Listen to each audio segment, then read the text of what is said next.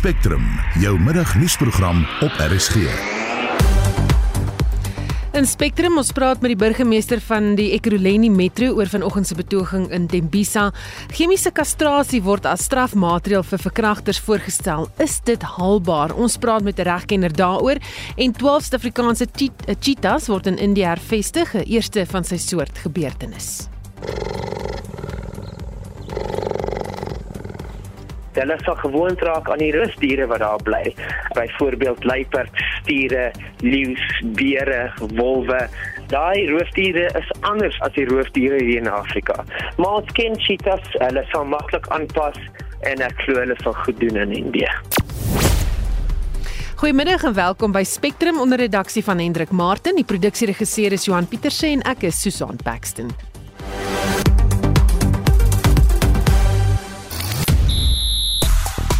In sportnuus vanmiddag, die Proteas verpletter Engeland in die derde en beslissende T20 kragmeting.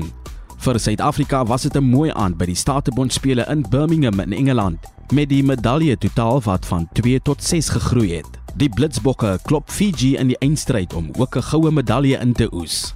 Ons kyk na fietsry by die Tour de France, motorresies en Bafana Bafana legende Benny McCarthy sluit aan by Manchester United. Die volledige sportbulletin volg bietjie later. Ek is Christo Gawie vir RSG Sport. In sosiale media het Benny McCarthy vir die eerste span doelskieter afrigterposisie by Manchester United geteken. Vir meer hieroor, besoek die hitsmerk Benny. Hm, klink baie interessant, maar van man se uh, wat noem ons dit hulle goeie dinge wat hulle bereik na vroue maand wat natuurlik Augustus is en jou Augustus word nasionale vrouedag herdenk. Wie is jou vroueheld en hoekom? Jy kan 'n SMS stuur na 45889. Dis teen R1.50 per boodskap of praat saam op die Monitor en Spectrum Facebookblad. Nou by kan 7 minute oor 12. President Cyril Ramaphosa sê die ANC beleidskonferensie het verskeie aanbevelings gemaak oor hoe om die stygende voedsel- en brandstofpryse wat verbruikers raak te bekamp. Verskeie subkommissies het voorstelle gemaak oor hoe die regering en die private sektor besigheidsgeleenthede kan skep. Bianca Olifant berig. Die ANC president Cyril Ramaphosa sê die konferensie kon aksies onderskryf wat deur die regering aangekondig is om die prestasie van Eskom se bestaande kragstasies te verbeter en nuwe opwekkingskapasiteit by die netwerk te voeg.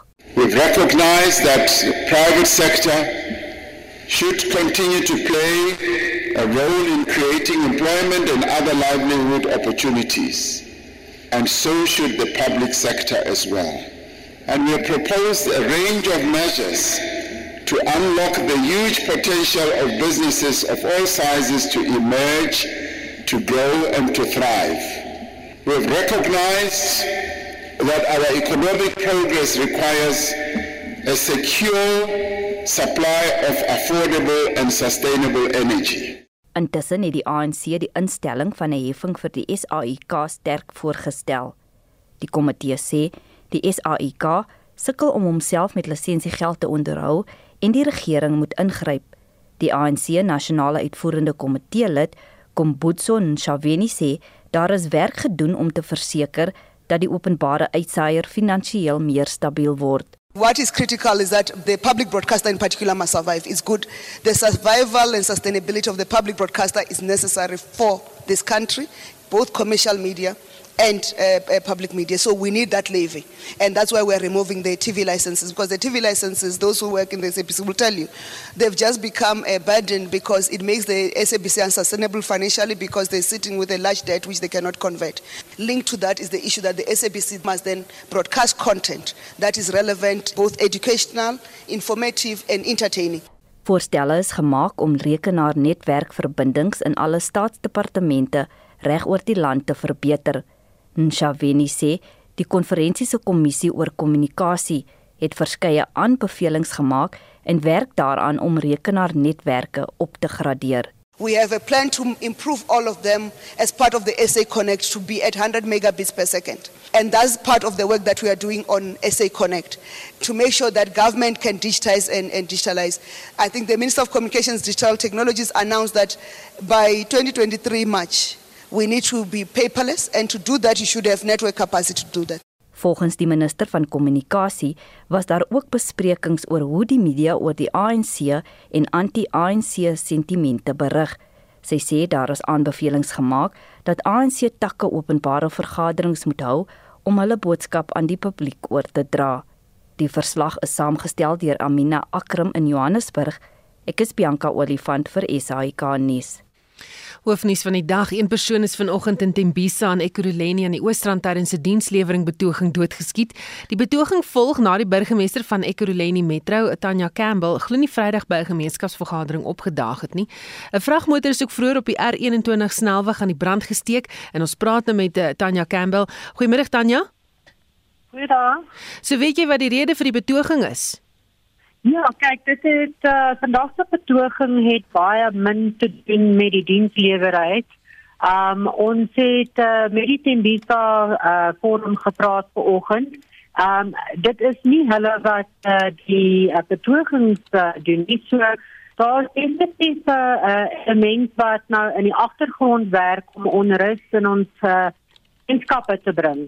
Um dit is 'n uh, uh, uh, baie snaaks dat uh, die Tembisa gemeenskapsforum nie eers uh, benul het van vandag se betogings nie.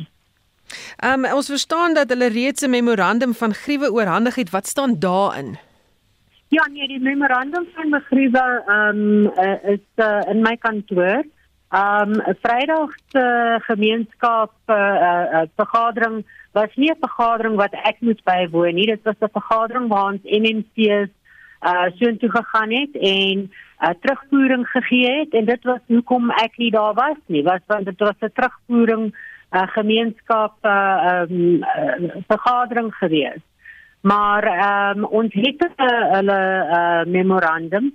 Um party van die goed op die memorandum soos Eskom en die petrol uh, uh, uh te hoogpryse kan ons as 'n munisipaliteit natuurlik nie iets doen nie maar Hulle hulle wil ook 'n persentasie um of 'n 'n flat rate op hulle hulle um munisipale rekeninge. Um ons het 'n polisie in plek met die uh um metro wat ons ingebring het um om hulle te help. Uh, maar natuurlik kan ons nie net uh vir almal sê wel hierso is ons polisie nie en uh, jy kan dit bekostig maar jy hoef dit nie te betaal nie. So daar is 'n hele klomp elemente waar ons mee hulle kan help. Um, maar daar is natuurlik uh, elemente waar ons hulle nie meer kan help nie soos wat op nasionaal of provinsiaal se ehm um, se uh, uh, uh, uh, agterdeur sit. Hmm. Hoe gaan julle hierdie situasie verder hanteer? Uh die polisie is op die oomblik daarso. Hulle is ook besig met provinsiale uh strukture en nasionale strukture. Natuurlik as jy na dit kyk, uh dan kyk jy na uh, laas jaar Julie se onrus uh, wat in uh, KwaZulu-Natal gebeur het en dan oorgestrek het na ander areas toe.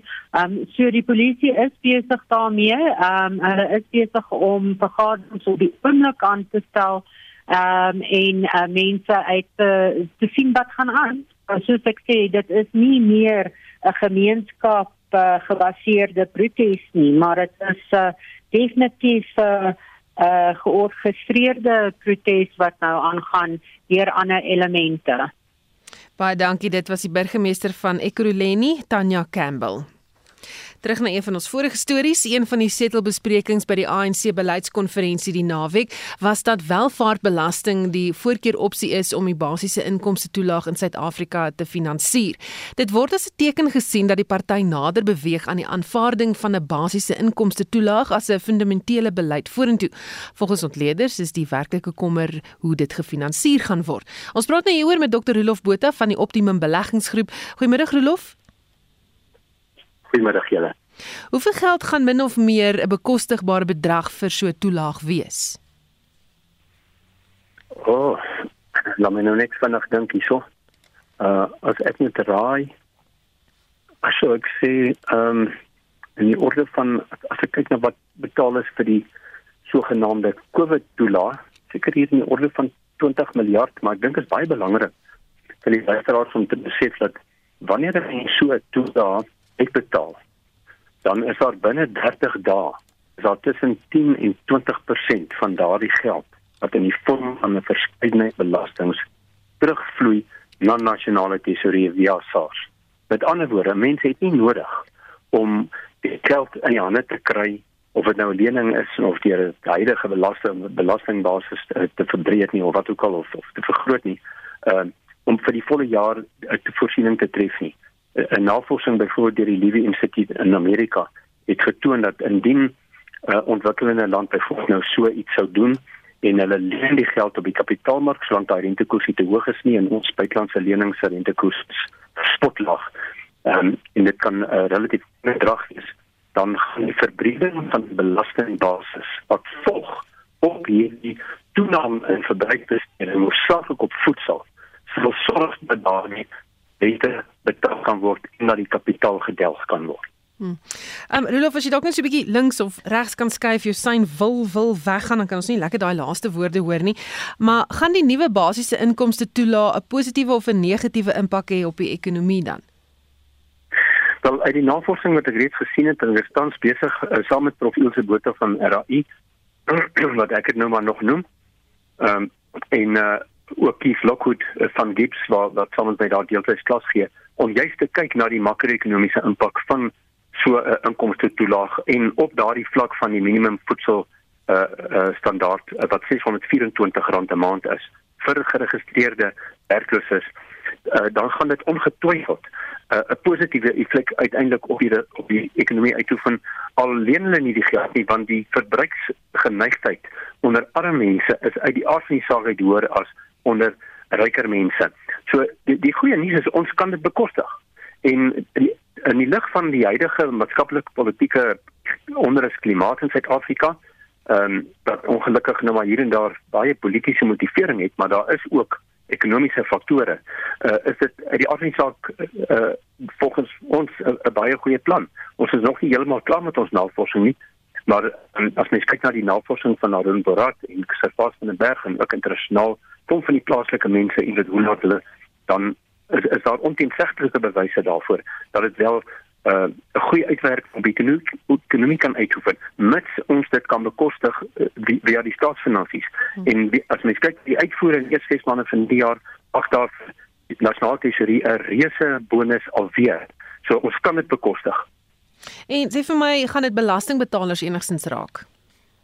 Dit hoef nie dit dit hoef nie uh, soos wat ek aangedui die wonderlike ding hiervan is dat as jy as hierdie mense die geld spandeer is daar binne 30 dae uh is daar 'n uh, terugvloei van verskeidenheid belastings terug na SARS toe. So dit is hoegenaamd nie nodig om belastings te verhoog nie. En ek moet daarom vir die luisteraar sê as jy geen inkomste hoegenaamd het 0 0 en jy kan jou hande lê op R624 'n maand jy aan die lewe te hou dan is die kans daarom ook daar dat jy nie noodwendig onmiddellik misdaad as jou volgende opsie sal sal kies nie.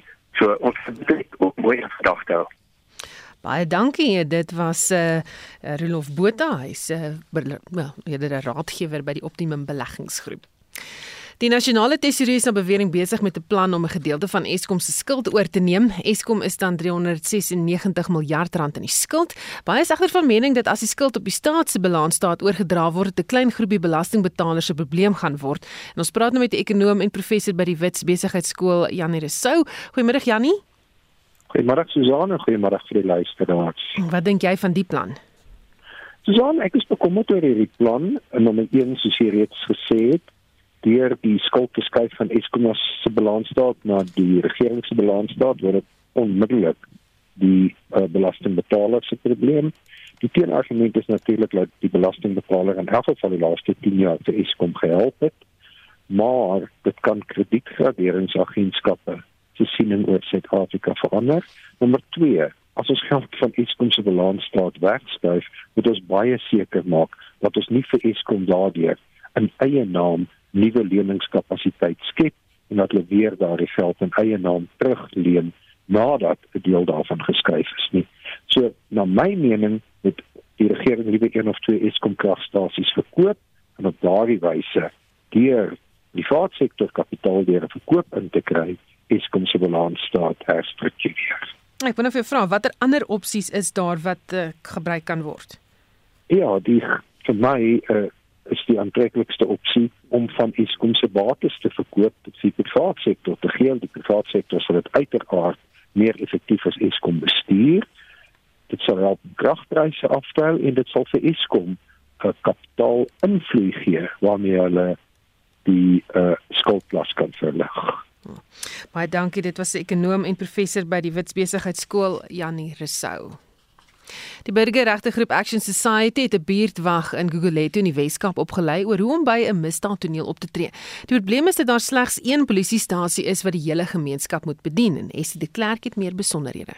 Lede van gemeenskapspolisieeringsforums en buurtmagte is dikwels eerste op misdaadtonele, veral in gebiede waar polisie mannekrag min en reaksietye stadiger is. Die opleidingssessie in Gugulethu is die tweede van sy soort wat Action Society aanbied.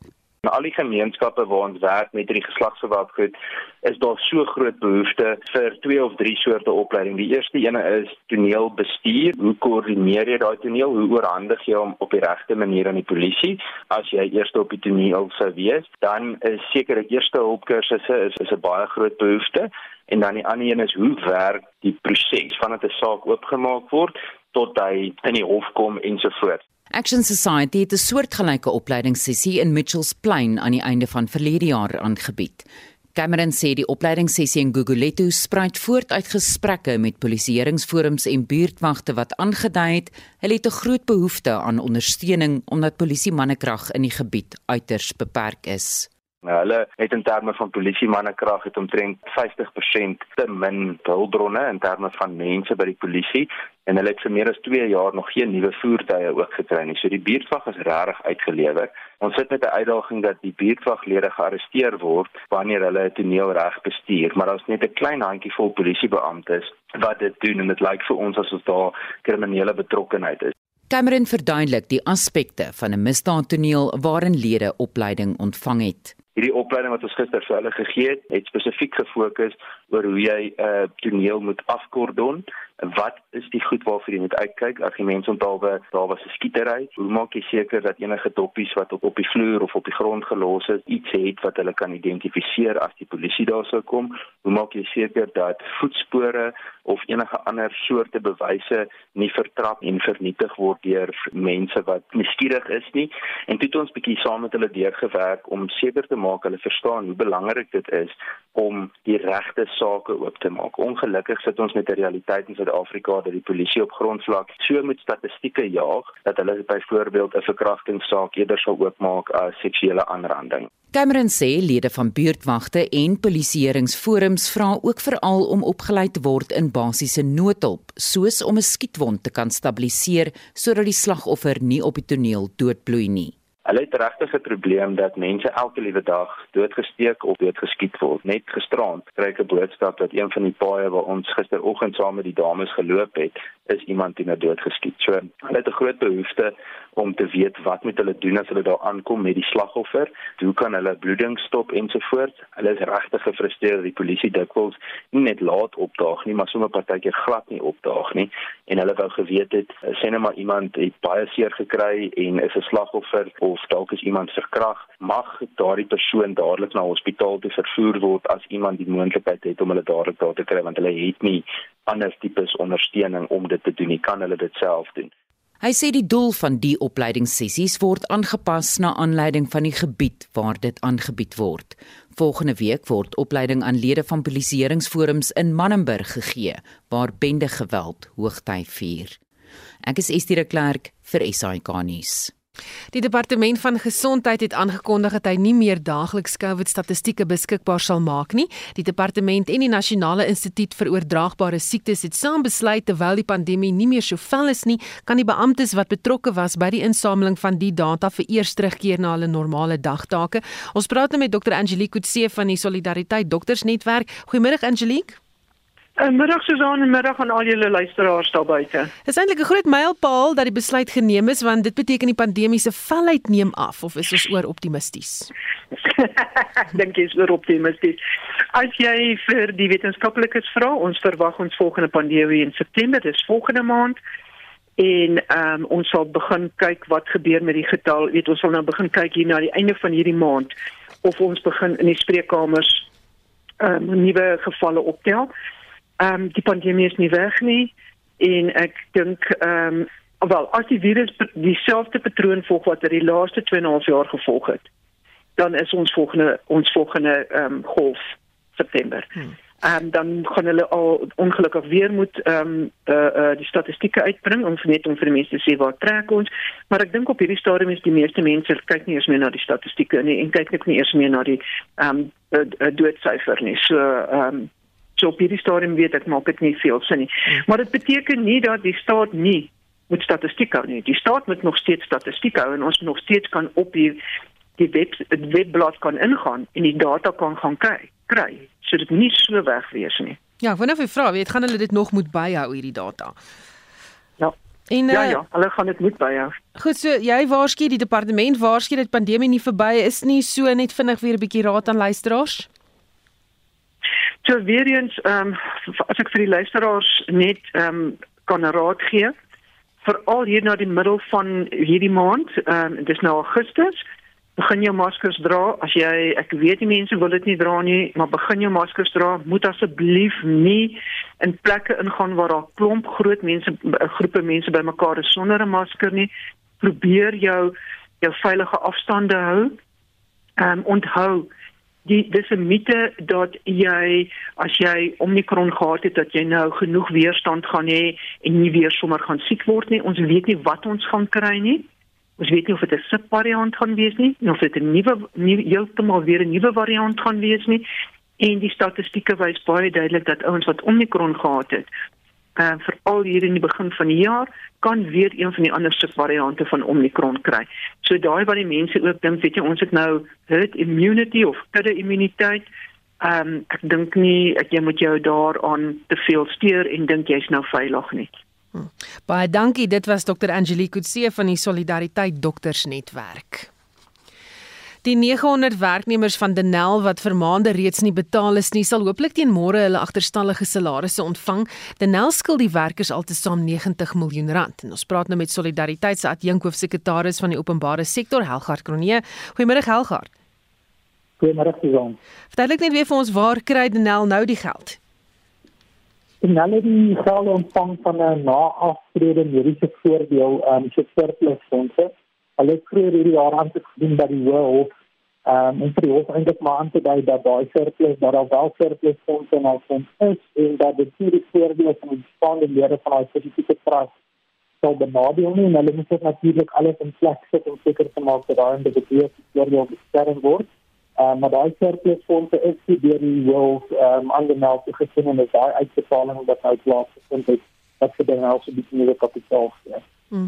Algaar jy sê baie dof. Ek is nie seker of jy in die mikrofoon inpraat of wat aangaan nie, maar as jy kan dalk skuif of so iets. Ehm um, julle was van plan om van die maatskappy se bates op te veil. Gaan dit nog gebeur? Ehm um, op hierdie stadium nee, die skikkingsooreenkoms wat ons Vrydag met Denel aangegaan het, het behels dat hulle die uitstaande gelde van ons lede direk aan ons lede betaal en dat ons dan ehm um, as daai skulde wel betaal is dat ons sal voortgaan met ons plaaslig in veilingsaksies en um, jy sê wat ons uit dan eintlik dan weer ons lede is betaal. Hmm. En wat is die situasie met belasting wat betref hierdie betalings? Daar is steeds uitstaande belasting, dan hulle natuurlik deur die loop van tyd wat salarisse nie betaal is en ook nie die inkomstebelasting van werknemers oorbetaal aan die aan die Suid-Afrikaanse inkomstediens. Hulle is tans in gesprekke met die SAID om daai gelde eer te betaal. Um, ek vermoed hulle gaan dit in 'n afbetalingsproses doen. Hulle sal nie al die gelde onmiddellik betaal nie, maar op hierdie stadium is dit 'n proses wat tussen die nou en die Suid-Afrikaanse inkomstediens self hanteer word. Baie dankie. Dit was Solidariteit se adjunkhoofsekretaris van die openbare sektor Helgard Kronje. Luister na Spectrum op RSG. Aktiviste teen geslagsgeweld doen 'n beroep op die regering en wetstoepassers om vroue beter te beskerm teen seksuele mishandeling en aanranding. Tientalle aktiviste is buite die Kreersdorp Landroshof waar meer as 80 beskuldigdes verskyn wat oor die naweek by mynope in Kreersdorp vasgetrek is. En 12 Suid-Afrikaanse cheetahs word in Indië hervestig, 'n eerste van sy soort gebeurtenis. Bly ingeskakel.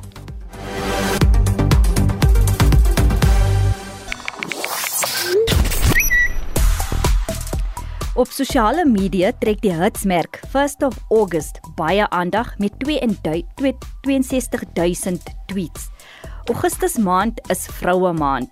Ons skop dus vandag af deur Nasionale Vriendindag te vier. Hmm, vriendindag. Daar sê ons vier mekaar Bianca. Ja, nee. Goed. Nou ja, ons uh, gesels dan intussen ook uh, oor Vrouedag en wie is jou uh, heldin? Uh, Susie Karato sê op Facebook, uh, Tuli Madonsela is my vroueheld, naas my ma. Tuli is nie bang om te vertel wat verkeerd is nie. Tuli Bo, Magda Pina Reinhardt sê my ma. Stefan de Bruin sê op 'n ernstige noot sal ek sê Emily Hophouse. Sy het met haar onbaatsigtige diens en goeie hart haarself op die spel geplaas om duisende vroue en kinders in die konsentrasiekampe tydens die Boereoorlog se lewens draagliker te maak. En dan ook die sangeres Jonita Du Plessis, sy is skaam om haar Christendom uit te leef nie en ten spyte van al haar roem en sukses bly sy steeds nederig en plat op die aarde. Christo Gawe die jongste sportnuus. Goeiemiddag, ons begin met cricket. Die Proteas het Engeland met 90 lopies geklop in die derde en beslissende T20 kragmeting in Southampton. Suid-Afrika het 191 vir 5 aangeteken voordat hulle die tuisspan vir 101 lopies in die 17de bilbeerd uitgehaal het. Die Proteas wen die reeks dan met 2-1. By vanjaar se Statebondspele in Engeland het die Blitsbokke gisteraand die goue medalje in die Sebes rugby toernooi gewen deur Fiji met 31-7 in die eindstryd te klop. Rustyd was die Blitsbokke reeds voor met 17-0. Suid-Afrika se vroue span het ook hulle eerste sege behaal. Hulle het gister 8-3 gedruk en Sri Lanka met 52-0 geklop. Met die sege het Suid-Afrika verseker dat hy sewende uit 8 spanne geëindig het. In die swembad het Tajana Skoenmaker gisteraand Suid-Afrika se derde goue medalje met die 200 meter borsslag verower. Lara van die Kerk met die 50 meter borsslag en Pieter Kutse met die 100 meter rugslag het Saterdag Suid-Afrika se eerste twee goue medaljes gewen. Chad Leclerc het ook gisteraand 'n silwer medalje in die 200 meter vlinderslag gewen. Op die algehele medalje leer is Australië heel bo aan met 52 medaljes in totaal, 22 goud, 13 silwer en 17 brons medaljes. Engeland is tweede met 34 medaljes in totaal, 11 goud, 16 silwer en 7 brons. En derde is Nieu-Seeland met 90 medaljes wat bestaan uit 10 goue, 5 silwer en 4 brons medaljes. Suid-Afrika is vierde met 6 medaljes, 4 goud, 1 silwer en 1 brons. In fietsry het die Nederlandse veteraan Annemiek van Vleuten die Tour de France vir vroue se 8ste en laaste skof gewen in 'n tyd van 3 uur 37 minute en 23 sekondes. Haar landgenoot Demi Vollering was tweede. Suid-Afrika se Ashley Moelman Passio het haar voor die laaste skof aan die wedren onttrek. Sy was 12de algeheel na Saterdag se skof.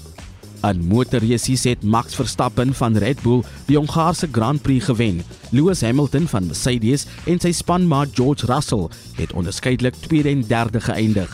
Verstappen is bo aan die punteleer met 233 punte, gevolg deur Charles Leclerc van Ferrari met 170 punte. En Benny McCarthy het by die Premier Liga reus Manchester United aangesluit as sy eerste spanafrigter. McCarthy het ook speelervaring in Engeland waar hy vir beide Blackburn Rovers en West Ham gespeel het. McCarthy is Suid-Afrika se alle tye voorste doelskieter en bly die enigste Suid-Afrikaner wat die Kampioenligga gewen het in sy tyd by FC Porto. En dis die sportnuus vir vanmiddag. Net was Christo Gawie met die sportnuus. Soos uh, jy reeds vroeër gehoor het, het meer as 80 verdagtes wat oor die naweek in hegtenis geneem is in verband met verskeie misdade in die myngebied by Kreersdorp vandag in die plaaslike landroshof verskyn. Wetstoepassers het toegeslaan na donderdag se massaverkrachting naby 'n mynhoop. Agt vroue wat deel was van 'n produksiespan wat 'n musiekvideo opgeneem het of glo 'n musiekvideo opgeneem het, is op bewering deur buitelanders verkragt en beroof. Ons verslaggewer Sashin Naidu is by die hof. Good afternoon Sashin.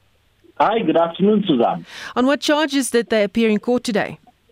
So the 83 suspects uh, that have been arrested uh, in relation to the rape, gang rapes of the eight women have not yet appeared at the Krugersdorp Magistrates Court. We do understand that the court is still processing the dockets of all these uh, 83 suspects and they will appear in the dock anytime from now.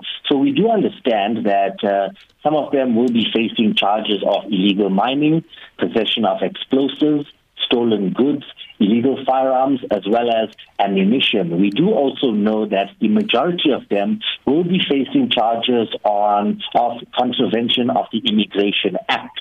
So currently, as we stand, um, we still haven't got underway yet, but we are expecting these suspects to slowly start coming into the dock anytime from now. Hmm. Sachin, any charges yet relating to the rape cases?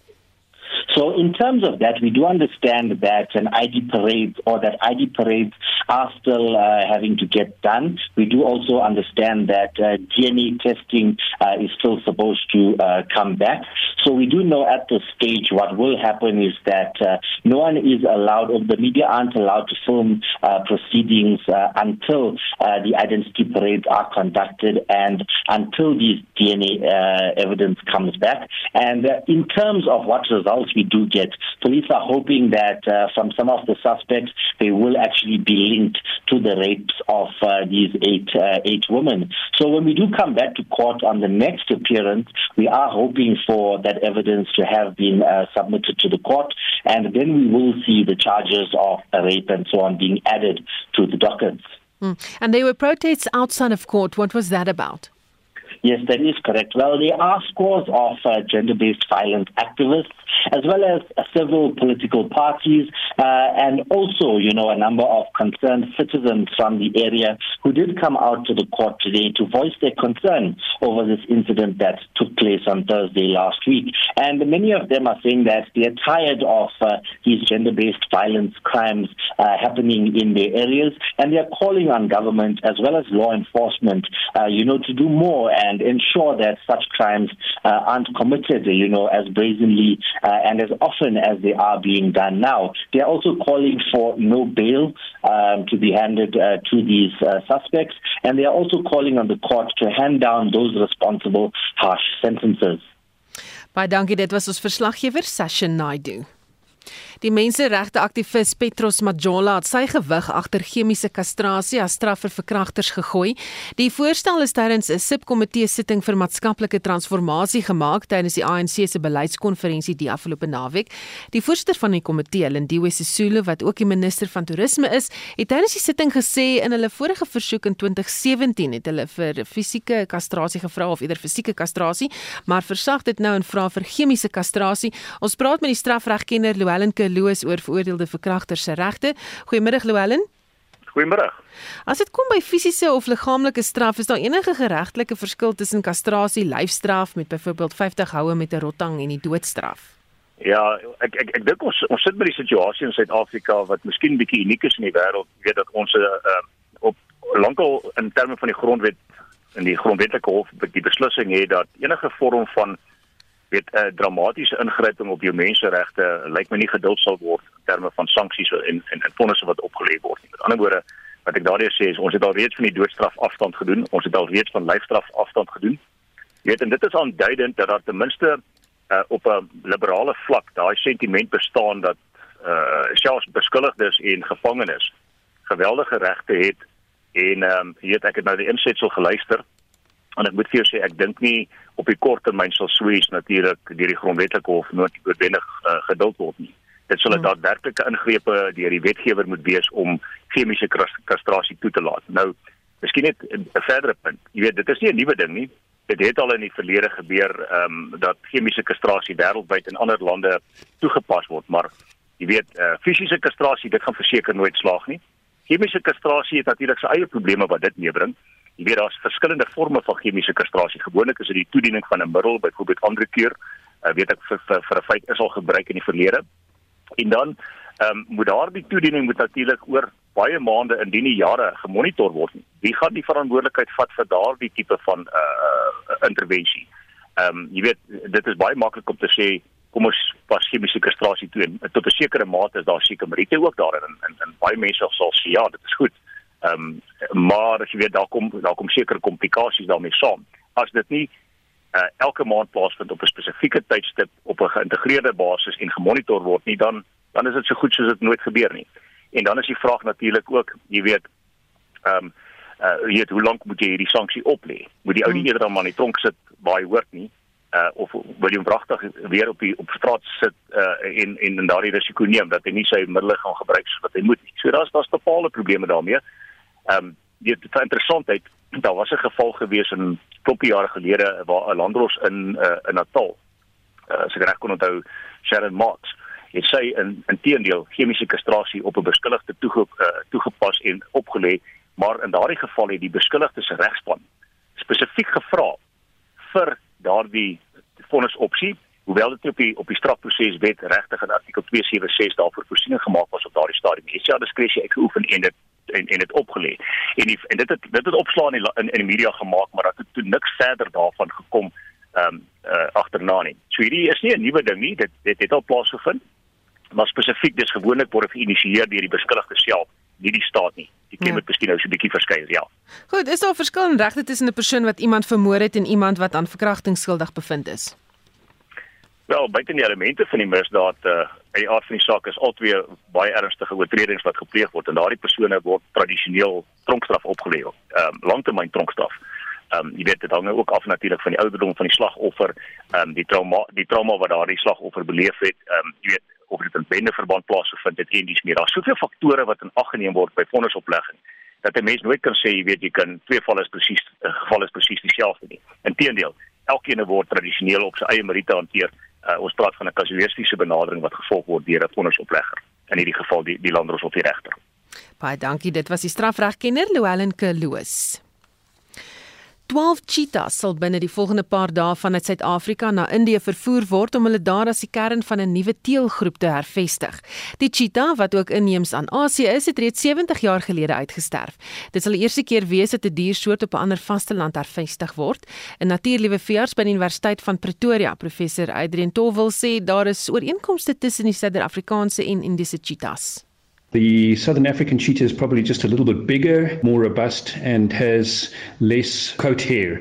Asiatic cheetah often, if you look at them, they look like they, even if they when they're adults, they still have quite a lot of longish hair over the back between the shoulder blades and onto the back of the neck, and then on the underside of between the front legs and uh, on the other side of the belly.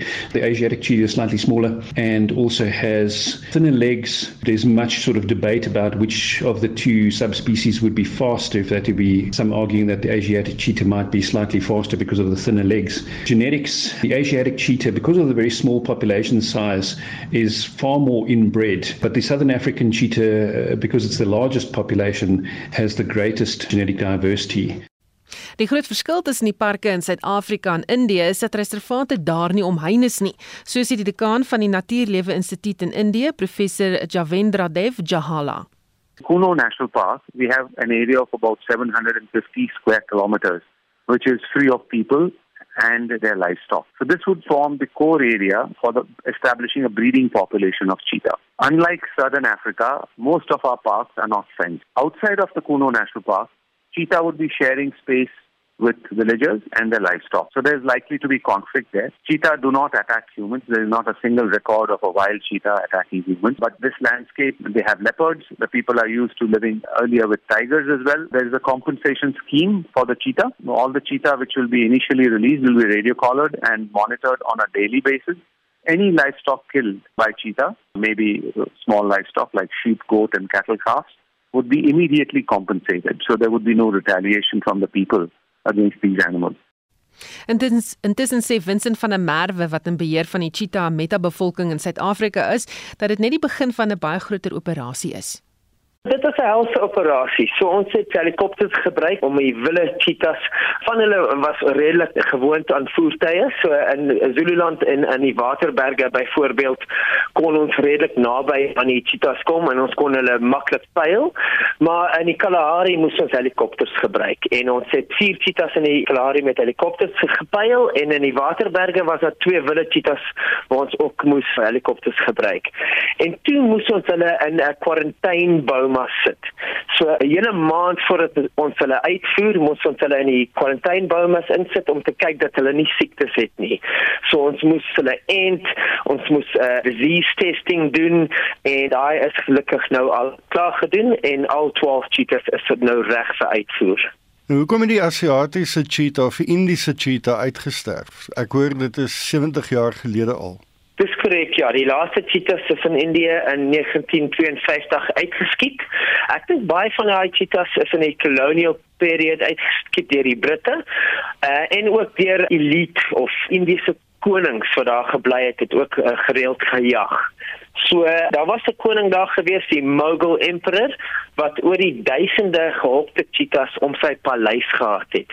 So oor die duisend. So ek dink 'n ander probleem was gewees die feit dat mense permanent deur die bos gestap en as hulle klein cheetahs gesien het, het hulle hierdie cheetahs gevang en aan die koning gegee. En dis presies nou wat in Noord-Oos-Afrika gebeur waar Somalië en Ethiopiese mense 'n klein cheetahs vang en hulle word verkoop aan uh, mense in Saudi-Arabië.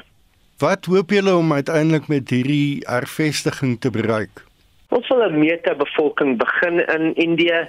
Dit is 'n groot land. Daar is oor die 300 reservate wat groot genoeg is om cheetahs te hervestig. En ons wil nie net in Indië werk nie. Cheetahs het lank terug uh, reg deur die Midde-Ooste en en die suidelike gedeeltes van Asië voorgekom. So ons wil hulle hervestig in lande soos Irak, Israel, Sirië, Jordan, Iran, en uh, Kuwait en Oman en Jemen oor die volgende paar jare. Daai cheetahs wat julle nou hervestig is in wese Suid-Afrikaanse cheetahs. So is dit nie 'n probleem nie die genetiese aspek hiervan. Kyk, dit is seker nie die Asiëse cheetah. Daar's net 12 tot 20 cheetahs oor in Asië. Hulle kom voor in Iran waar hulle binnekort gaan uitsterf. Kyk, dit is nie 'n genetiese viable bevolking nie. Inteling sal hulle uiteindelik laat extinct gaan. So, ons het nie 'n keuse nie. Ons moet die African subspecies inbring. En uh, gelukkig, kyk, daar is 'n verskil tussen daai twee cheetahs. Die Asiëse cheetah is bietjie kleiner. Hy's so 20% ligter. Hy lyk bietjie anders. Dis dit raak bietjie kouer daar in die woestyne van Iran. Jy kan sien sy hare is bietjie langer hier in Afrika. Maar hulle doen dieselfde ekologiese rol. So die hele doel van 'n cheetah in enige wille environment is om klein tot medium sized antelopes te vang. En dit is hulle ecological role. En en die Afrikaanse cheetah en die Indiese cheetah is presies dieselfde in daai gevolg. Hulle lyk net bietjie anders want hulle het vir 70000 jaar apart gelewe. Daar was baie min genetic gene flow tussen Afrika en Asia want daar is net een plek wat hierdie twee kontinente join en dit is um, die Sinai Peninsula in Egipte. Maar ons het al die genetiese toetse gedoen.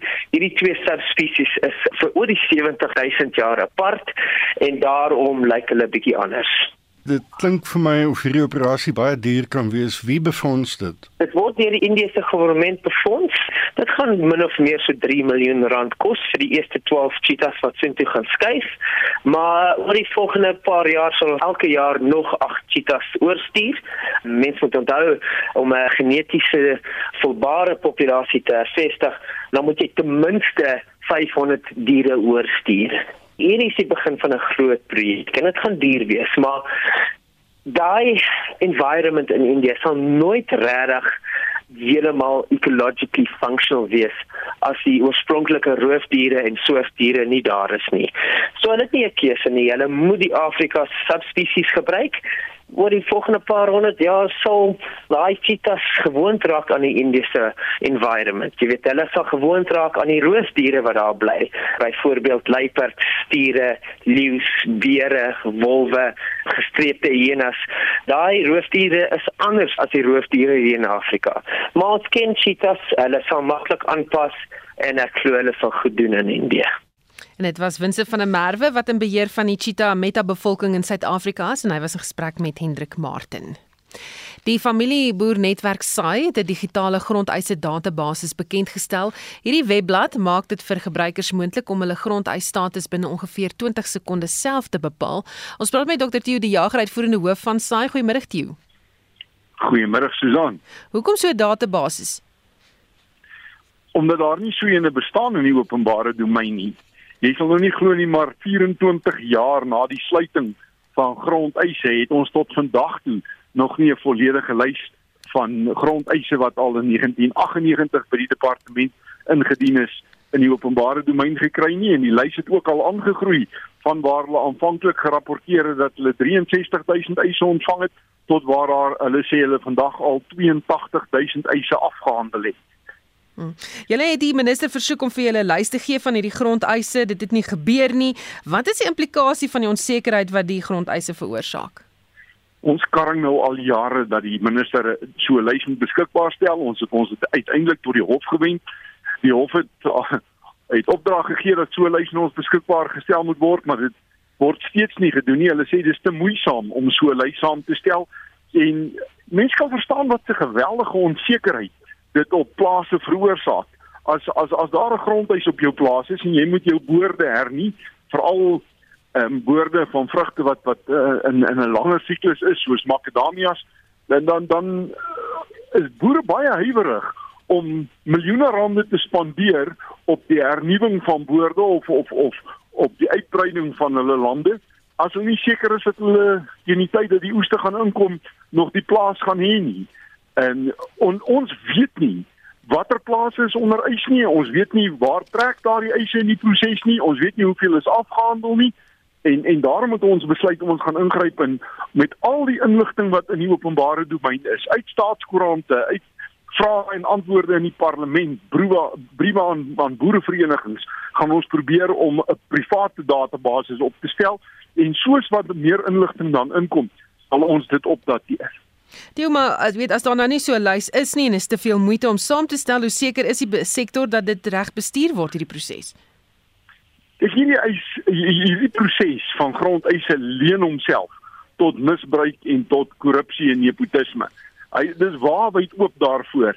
In 2018 reeds het voormalige president Galema Motlanthe die hoë vlak 'n paneelverslag oor grondhervorming vrygestel en daarin reeds het hy uitgewys dat dit 'n nes is van ongeruimthede. Die verslag alhoewel dit nie openbare domein is, dit is nie op die internet beskikbaar is is nooit hanteer in die parlement nie en lê nog op die president se tafel. En en, en ons het gevoel dit help nie ons probeer net van buite af druk om orde in hierdie chaos te te probeer skep nie. Ons ons sal self moet kyk hoe ver kan ons orde bring hmm. en dan maar maar wag dat die departement daarop reageer. Baie dankie, dit was Dr. Theo de Jager, uitvoerende hoof van SAI. Die saak is word aangebied deur Netjie van der Merwe, portefeuljebestuurder by Netbank Korporatiewe Beleggings. Goeiemôre Netjie. Goeiemôre Suzan en luisteraars. Wêreldmarkte begin hierdie week in die groen, maar die oliepryse val nadat China swak ekonomiese data bekend gemaak het en vrese van globale ekonomiese vertraging ondersteun. As ons kyk na Asië, sien ons die Hong Kong Hang Seng verander onveranderd. Die Japaneese Nikkei is op met 0,7% en die Australiese ASX 200 is hoër met 0,7%. In Europa verander die Britse FTSE 100 sterker met 0,4%. Die Franse CAC 40 is hoër met 0,3% en dan die Duitse DAX is ook op met 0,4%. Plaaslik verander ons algehele indeks hoër met 0,5% teen 69245 punte. Die finansiële indeks het hoër met 0,7% en daar is die uitskieter Quilter wat 14.1% op is vandag aangesien die Nasdaq groep het oorweeg om 'n aanbod te maak om Quilter te koop. Die nywerheidsindeks versterk 0,2%, die Hulberne indeks is op 0,9%. Dan as ons kyk na kommoditeitspryse, goud versterk 0,3% en verhandel teen 1772 dollar per fyn ons. Platinum versterk 1,1% en verhandel teen 909 dollar per fyn ons. En Brent olie verswak 6,8% en verhandel teen 102 dollar en 56 sent per vat. Dan wisselkoerse, 'n dollar verhandel teen R16.46, 'n euro verhandel teen R20.16 en 'n euro verhandel teen R16.88. Op rentekoerse, die R2030 staatsefek verswak 4,2 basispunte en verhandel teen 'n opbrengs van 10,4%. Vir die week wat voorlê, kan luisteraars um, op die uitkyk wees vir ekonomiese data. Eerstens Absa vervaardigingsaankoop bestuursindeks wat vanoggend bekend gemaak is, wat heel wat laer ingekom het as verwagtinge teen 47.6 um, persentasiepunte en dit dui op 'n samentrekking van die vervaardigingssektor. Later vandag het hierdie naam self voertuigverkope jaar op jaar wat waar daar 'n stygings van 14.8% verwag word dan elektrisiteitsverbruik en produksiesyfers wat vanselfsprekende afname sal toon en laastens die spesifieke bruto reserve wat Vrydag bekend gemaak word. Baie dankie, dit is die einde van die sake nie. En dit was Nikki van der Merwe, portefeuljebestuurder by Netbank Korporatiewe Beleggings.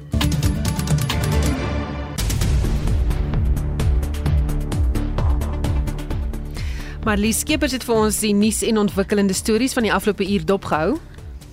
Haai Susan, ja, ons het gekyk na die onrus in Tembisa aan die Gautengse Oosrand. Ons het met die burgemeester van Ekurhuleni, Tanya Campbell, gepraat. Sy sê betogings kom nou algemeen voor en is nie meer gebiedsgebonde nie. Die betogings het ver oggend op die R21 uitgebreek toe inwoners die pad met brandende motorbande versper het. Die geweld het intussen tot so mate toegeneem dat een persoon dood is. Tydens die betogings is die Ekurhuleni munisipaliteit se kliëntediensentrum aan die brand gesteek, as ook 'n paar betaalpunte en private voertuie. Die betogings is glo weens tariewe en tariefverhogings. Susan, dit, dit bring ons dan nou somme by die by Eskom en sy skuldlas. Ons het ook met die ekonom en professor by die Wits Besigheidsskool Janie Resou gepraat oor nasionale tesourie se planne om Eskom se skuld oor te neem. Hy het meer uitgebrei oor die plan en is teen die idee dat Eskom se skuldlas na die regering se balansstaat geskuif word. Hy sê die regering moet van sy kragstasies verkoop en Eskom se skuld herstruktureer. Eskom moet ook van sy bates verkoop wat kragpryse sal afbring en Eskom se skuldlas sodoende verlaag. En dan laastens, die polisie het vroeër 'n media-konferensie gehou oor die stand van misdaadbestryding in die land. Dit volg natuurlik op die griem misdade die afgelope naweek in Kreersdorp. Die polisiekommissaris, luitenant-generaal Setlahle Masemola, sê teen misdaadoperasies sal voortaan in alle provinsies opgeskerp word. All provinces are now, as should be aware, conducting simultaneous operations that are targeting the time when these crimes are happening en meer hieroor vanmiddag in Brandpunt om kwart voor 6 van hierdie dag se belangrikste nuus saamgevat word. Baie dankie, dit was Marlie Skeepers met 'n samevatting van die dag se nuus en ontwikkelende stories. Dit is vir ons heeltemal groet ons gesels oor uh, vroue maand en wie is jou heldin en 'n uh, klomp mense wat hierso op die Monitor en Spectrum Facebook bladsy sê my ma, my ma is uh, altyd energie en uh, vir energie kan dit tyd om iets aan te pak. Daar's nooit 'n uh, end nie. Dis Ria Kokemoer wat so sê. En uh, dan sê nog iemand dis uh, Susani Bason, my moeder met so huil gesiggie vir al sy nie meer by my is nie, maar ek gaan haar altyd in my hart hê. So ek neem aan sy is oorlede en ons jammer daaroor, maar dis 'n lekker inspirasie om te hê om so aan jou ma te dink elke dag vandag. Dit was Spectrum met uitvoerende regisseur Nicoline de Wee, vandag se redakteur Hendrik Martin en ons produksieregisseur Johan Pieterse. My naam is Susan Paxton, bly ingeskakel vir 360.